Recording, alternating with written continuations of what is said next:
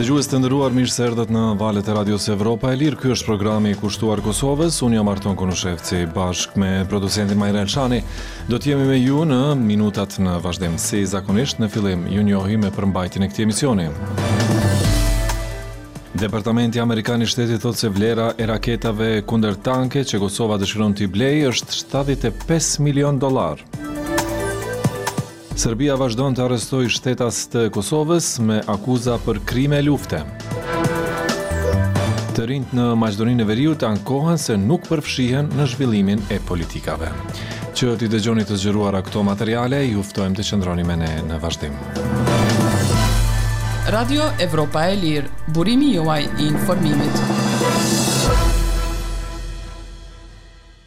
Si pjesë e programit për transformimin e Forcës së Sigurisë së Kosovës, Kosova ka bërë kërkesë që t'i blejë nga Shtetet e Bashkuara të Amerikës 246 raketa antitank në vlerë prej 75 milionë eurosh. Departamenti amerikan i Shtetit tha se shitja e këtyre armëve është në linjë me politikat e jashtme të vendit për të përmirësuar sigurinë e Kosovës.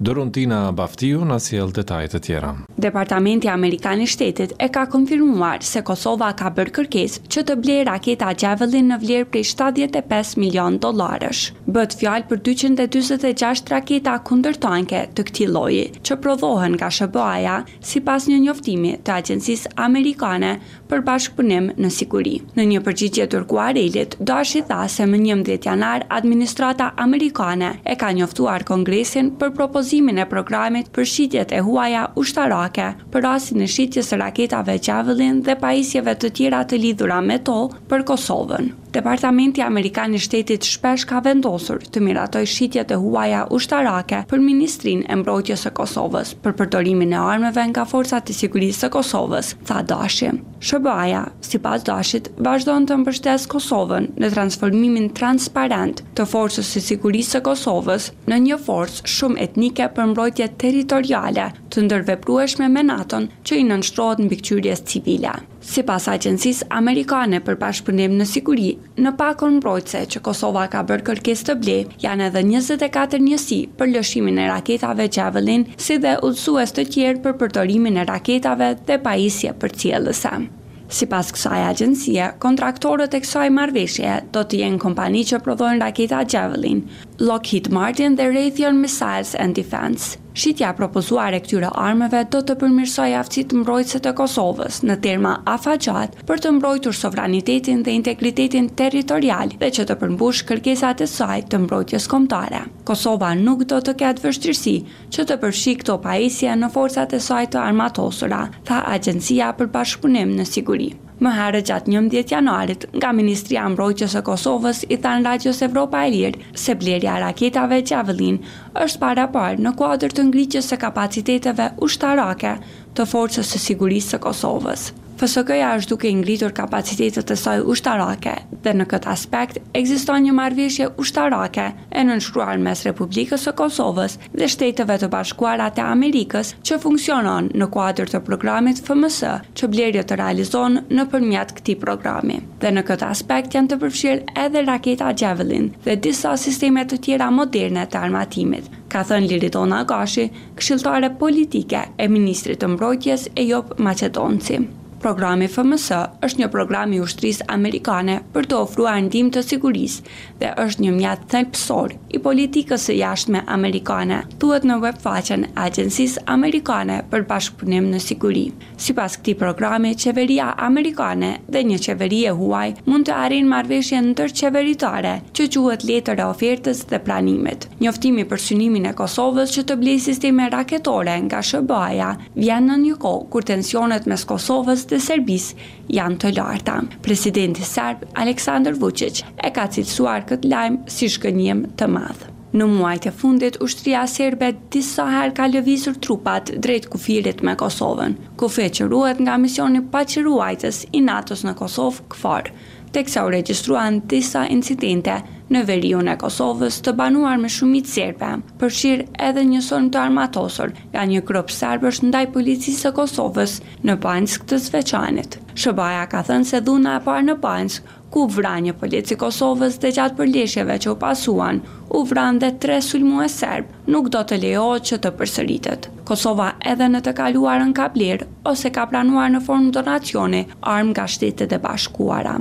Pasi u miratuan ndryshimet në Kuvendin e Kosovës më dy mijë e tetëmbëdhjetë, qeveria e atëhershme nënshkroi një kontratë me kompaninë amerikane AM General për pajisjen e FSK-së me pesëdhjetë e një automjete të tipit Humvee. Dy vjet më vonë Kosova bleu edhe automjete të tjera ushtarake nga SHBA-ja. Ndërkaq më dy mijë e njëzet e një, qeveria amerikane i dhuroi Kosovës pesëdhjetë e pesë automjete të tipit Armored Security Vehicle. Qeveria e Kosovës ka miratuar edhe një vendim për blerjen e dronëve amerikanë. ndërkaq autoritetet kosovare kanë paralajmëruar se ushtria e ardhshme do të pajisjet edhe me helikopterë. Për Radion Evropa e Lirë nga Prishtina, Doruntina Baftiu. Vazhdojmë emisionin me materialet e përgatitura. Hasan Dakaj, qytetar nga Kosova, po mbahet në paraburgim në Beograd. Ai është arrestuar më pesë janar nga autoritetet serbe dhe është akuzuar për krime lufte. Autoritetet serbe nuk kanë saktësuar se për çfarë krimi bëhet fjalë. Autoritetet e Kosovës e kanë cilësuar arrestimin si të padrejtë dhe arbitrar, ndërkaq që përfaqësuesit e Zyrës Ndërlidhëse të Kosovës në Beograd e kanë vizituar Dakajn. Vijon kronika e Bekim Bislimit. Beogradi zyrtar nuk ka dhënë përgjigje ndaj kërkesave të Kosovës për lirimin e qytetarëve të saj të cilët u arrestuan nga autoritetet në Serbi me akuzën për krime lufte në fund të viteve nëntëdhjetë. Hasan Dakaj, ish-pjesëtar i Ushtrisë Çlirimtare të Kosovës, është qytetari i Kosovës i fundit që u arrestua në Serbi. Atij, më gjashtë janar i është caktuar masa e paraburgimit prej një muaji. Dakajt i është caktuar një avokat sipas detyrës zyrtare me të cilin Radio Evropa e Lirë nuk arriti të kontaktojë. Më dhjetë janar, kryeministri i Kosovës Albin Kurti tha se Serbia vazhdon rrugëtimin drejt metodave të Putinit dhe se arrestimet e qytetarëve të Kosovës janë të qëllimshme dhe të padrejta.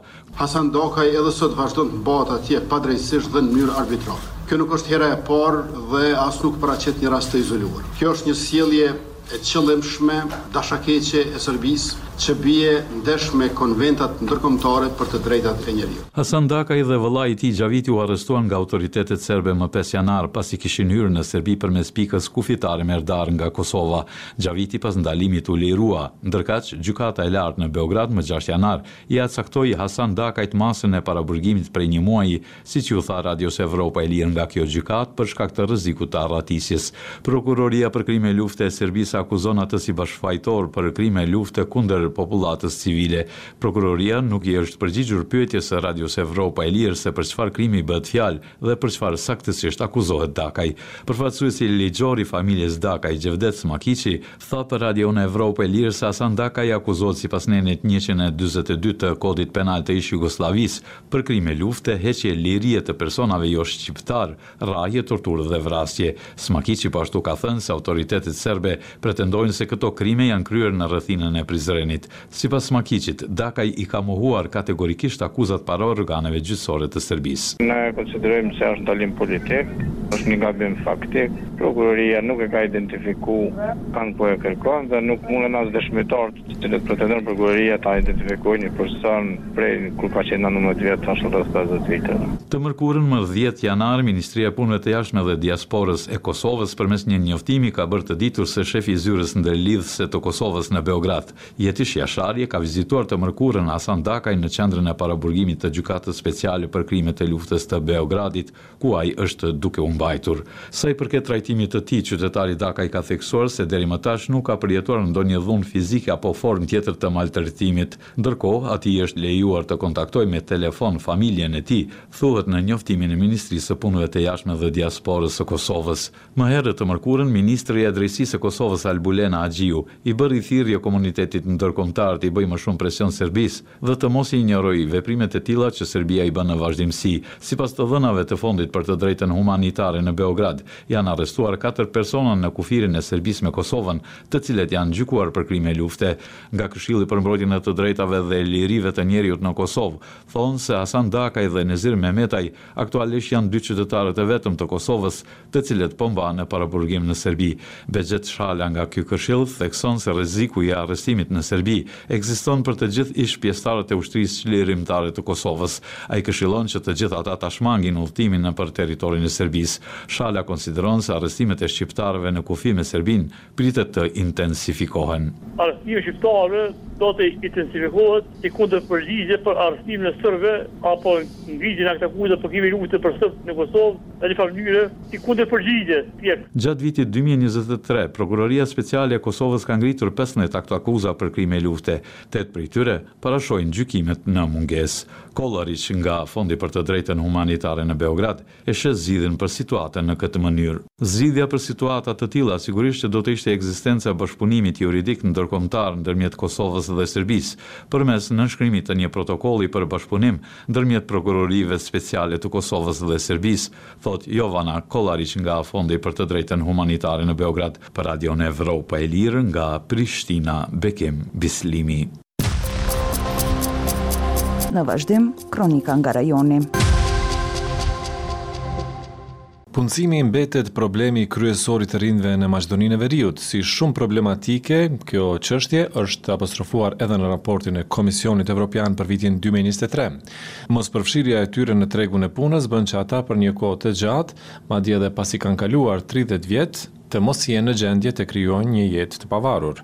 Organizatat që në fokus kanë të rinjtë theksojnë se inkuadrimi i të rinjve në politikë theksohet dhe premtohet vetëm gjatë fushatave zgjedhore. Zërijeta Hajro Jajaga raporton nga Shkupi. Interesat e të rinjve mbeten kryefjalë e partive politike qofshin në pushtet apo në opozitë. veçanërisht para zgjedhjeve, duke premtuar përfshirjen më të madhe të të rinjve në politikë, hartimin e politikave në interes të të rinjve qofshin në pushtetin vendor apo atë qendror, si dhe uljen e papunësisë. Por hulumtimi që ka realizuar Forumi për Ndryshime në Arsim me të rinjtë në moshën shtatëmbëdhjetë deri njëzet e katër vjeç tregon se të rinjtë ndjehen të shpërfillur nga institucionet përsa i përket zhvillimit të politikave në arsim. Të rinjtë gjithashtu kanë theksuar se nuk ndihen të rëndësishëm për institucionet dhe politikanët. Blendi Hodaj, student, i cili njëherësh është dhe drejtor i Forumit për Ndryshime në Arsim, për Radion Evropa e Lirë thotë se partitë politike shumë pak u lënë hapësirë të rinjve, megjithëse në letër mundësitë janë të pafundme. Momentalisht ata që janë në udhëheqje të partive politike ndihen të rrezikuar kur i përfshijnë edhe të rinjtë në proceset vendimmarrëse brendapartiake, sepse ndihen të rrezikuar sepse mendojnë që do ta humbin pozitën e tyre për shkak të asaj që të rinjtë sot janë shumë të përgatitur se sa ato që kanë qenë në 20 vitet e fundit në në në udhëheqje të partive politike. Niveli i lartë i papunësisë në mesin e të rinjve si çështje problematike është apostrofuar dhe në raportin e Komisionit Evropian për vitin dy mijë e njëzet e tre. Mospërfshirja e të rinjve në tregun e punës bën që ata, një kohë të gjatë, madje edhe pas moshës tridhjetë vjeçe, mos të jenë në gjendje të krijojnë një jetë të pavarur nga prindërit. Në raportin e progresit për Maqedoninë e Veriut të Komisionit Evropian theksohet nevoja e gjetjes së mekanizmave për zbatimin e përpiktë të garancive për të rinjtë të cilat parashihen me dispozitat ligjore. Ndërkohë të rinjtë theksojnë se njohjet politike janë ata që u mundësojnë një vend pune në institucionet e shtetit dhe në asnjë mënyrë nuk mund të flitet për merita e cilësi, Andaj të ardhmen e tyre shohin jashtë vendit. Nuk e shoh të ardhmen time këtu, me gjasë do të dal së shpejti jashtë shtetit, pasi krahas kushteve, standardit jetësor më të lartë në vendet e Bashkimit Evropian, mendoj se këtu bëhet e papërballueshme jeta për shkak të mosfunksionimit të ligjeve dhe fakti që politika dikton se kush do të jetë në institucione dhe jo meritat, thotë Ivana Nedelkova, studente e arkitekturës. Sfidë për drejtuesit e shtetit në Maqedoninë e Veriut, pavarësisht se kush do dalë fitues në zgjedhjet e pranverës, mbetet hartimi i politikave të qëndrueshme për të rinjtë për të ndalur hovin e migrimit. Pasi të gjitha anketat që kanë realizuar organizata që në fokus kanë të drejtat e të rinjve, tregojnë se gjysma e të rinjve nën moshën 29 vjeç të ardhmen e tyre e shohin jashtë Maqedonisë së Veriut. Për Radion Evropa e Lirë nga Shkupi, Zërijeta Hajro Jahjaga. Dëgjues të nderuar ishin këto të gjitha materialet e përgatitura për këtë emision, ju falënderojmë për vëmendje, kurse për informacionet e tjera, vizitoni faqen tonë në internet evropaelire.org. Mirudëgjofshim!